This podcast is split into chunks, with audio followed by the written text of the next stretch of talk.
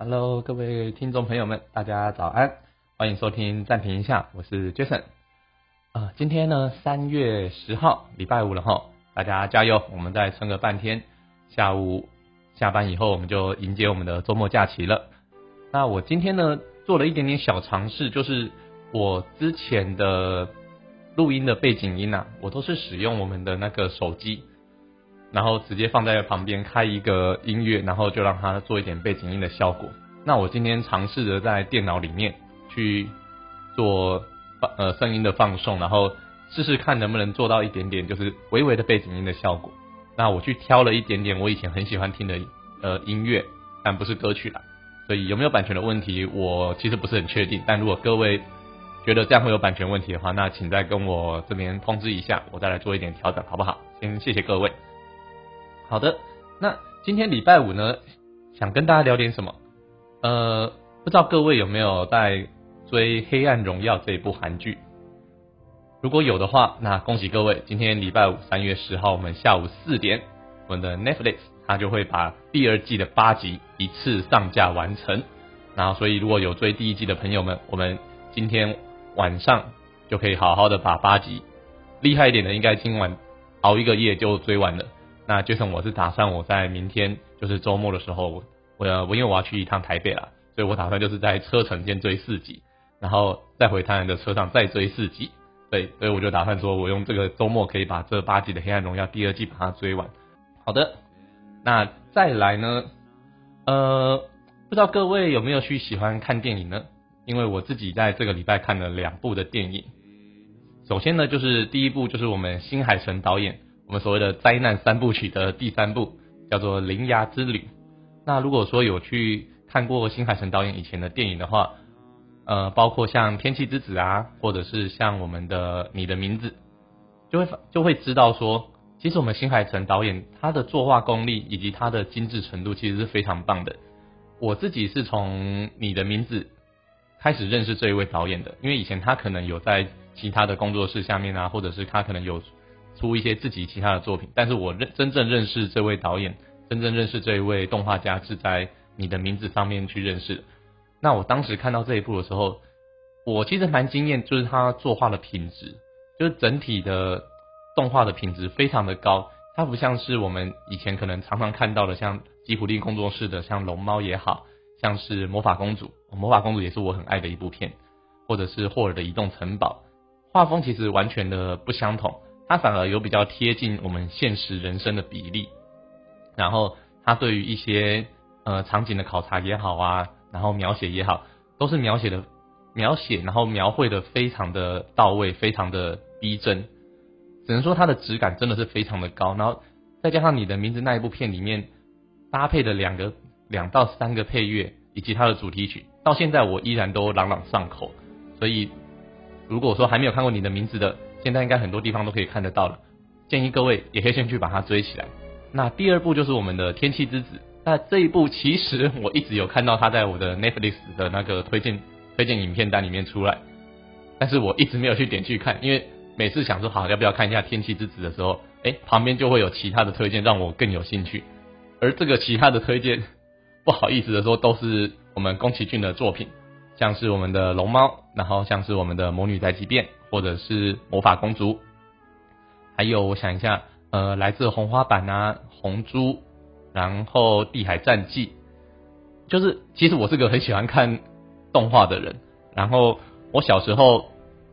我一直印象很深刻，我小时候那个时候还是用我们的所谓的录影带，有没有？就是你看完那一部那一片那个片子之后，你要把它放到一个机器里面去，让它做倒带的动作，然后才可以再看第二次。我那时候可以这样子把龙猫一天看个三次四次，然后隔天再看个三次四次，直到我爸爸去借了一卷或租了一卷新的录影带。我记得那时候好像都是买的啦，现在没有留下来，我其实觉得有一点可惜。但是那个时候对我来讲是一个相对很美好的回忆，因为我那个时候很喜欢看卡通，很喜欢看动画。那我也很感谢爸爸妈妈他们给我看的。一开始给我看的这种长篇的动画，就是我们吉普力工作室的我们宫崎骏的作品。所以其实如果聊到这个哇，我基本上就是如数家珍。当然我没有办法到像很狂热的人一样说每一部我都看过，我也是有我比较偏好的口味。像是一开始就是看龙猫看得很入迷嘛，然后再来就是呃天空之城。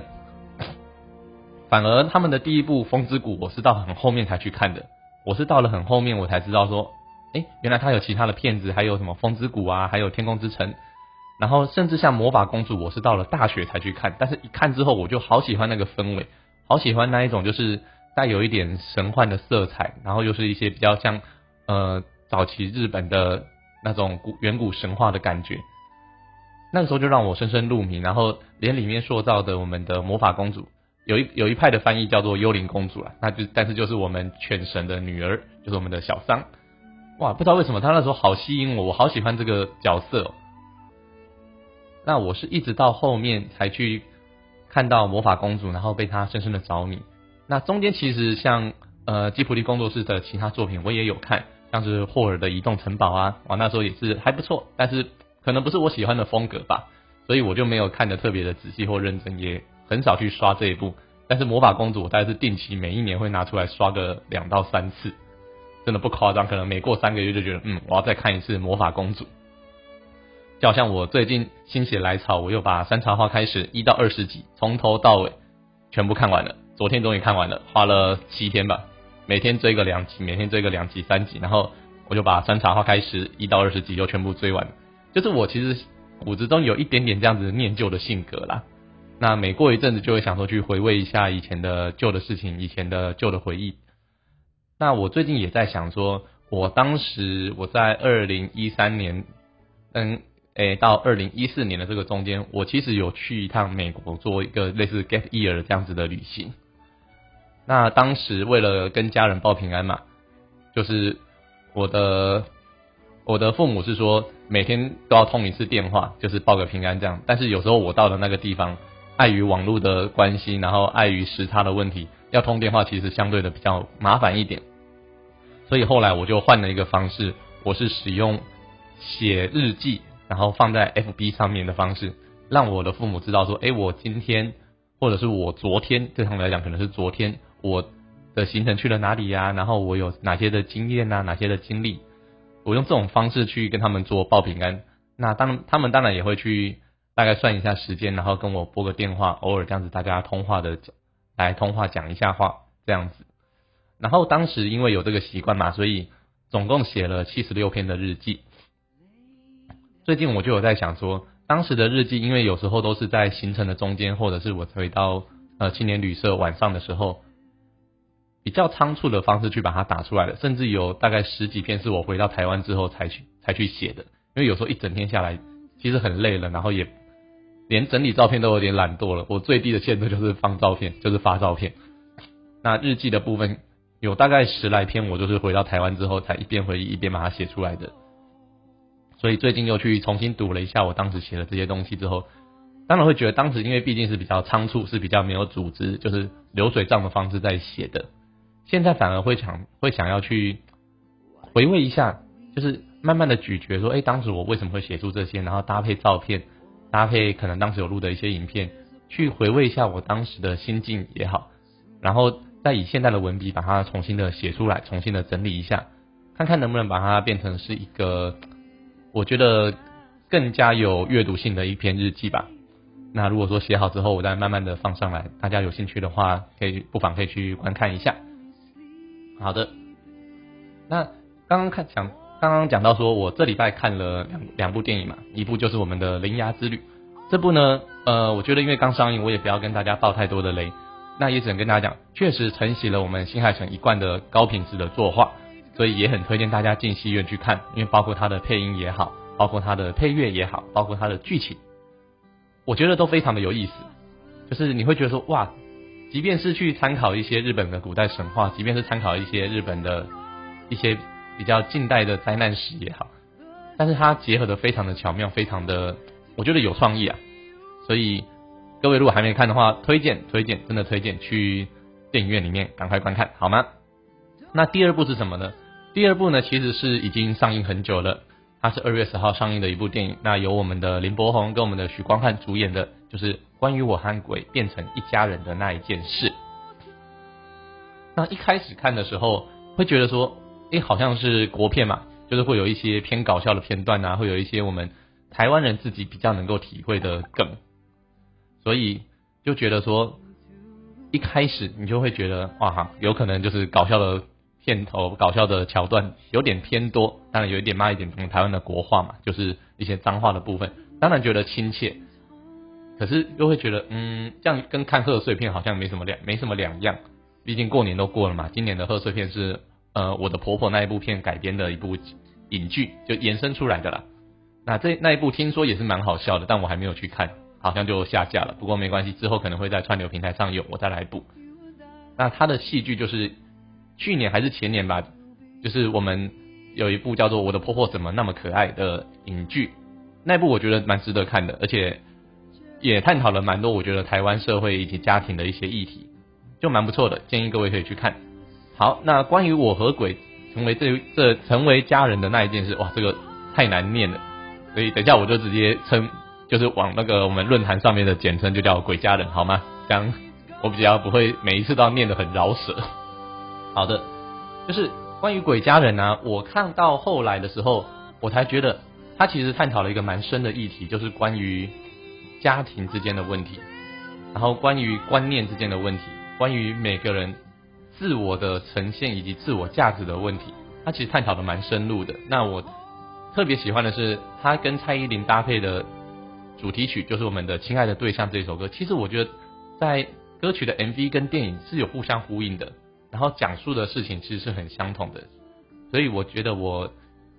等这部电影下档之后，再跟大家好好的聊聊。因为我觉得我看完之后，心里其实有蛮多的感触跟情绪。以及可以带入自身的一点经验引而引发出来的情感吗？还是话语吗？我不确定，但我想好好的咀嚼一下这件事情之后，再来跟各位聊聊。那还没去看电影的，也建议各位可以去看。然后还没听过这首歌的《亲爱的对象》，我会把链接放在到时候放在资讯栏给各位去，可以去听听看这首歌，然后仔细的去品味一下它的 MV，它拍摄出来的感觉。以及他 MV 想表达的事情，可以跟各位讲，这首歌里面最让我有共鸣的一句话就是“我们的不约定不勉强”。所以各位如果听到这句话的时候，不妨去想一想，就是我们自身以及我们和周遭的关系，我们和亲密的好友、亲密的爱人、亲密的家人之间的关系，是不是有真的像歌词里面讲的那样子？还是说我们是另外一层比较紧密、比较互相牵制的关系呢？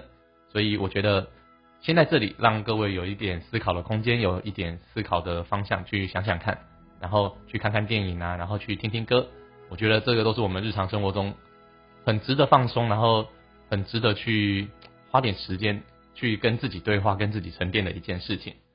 好不好？所以这礼拜两部电影就是我们的《铃芽之旅》跟。鬼家人，关于我和鬼成为家人的那一件事，都很有趣，也都很不错，推荐给各位，让大家去看看。好的，那我们今天啊，录音的时间原本想讲一点新闻的，但不小心一录又录到超过快二十分钟了。好了，没关系，我们礼拜五嘛，我们就轻松一点。那也祝各位我们的周末愉快，可以去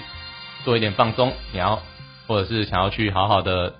跟家人朋友出去玩。或者是好好的放松追剧，要追剧的话，《黑暗荣耀》第二季记得追起来哦。好，那我们暂停一下，今天录音就到这里，我是 Jason，我们下礼拜见，拜拜。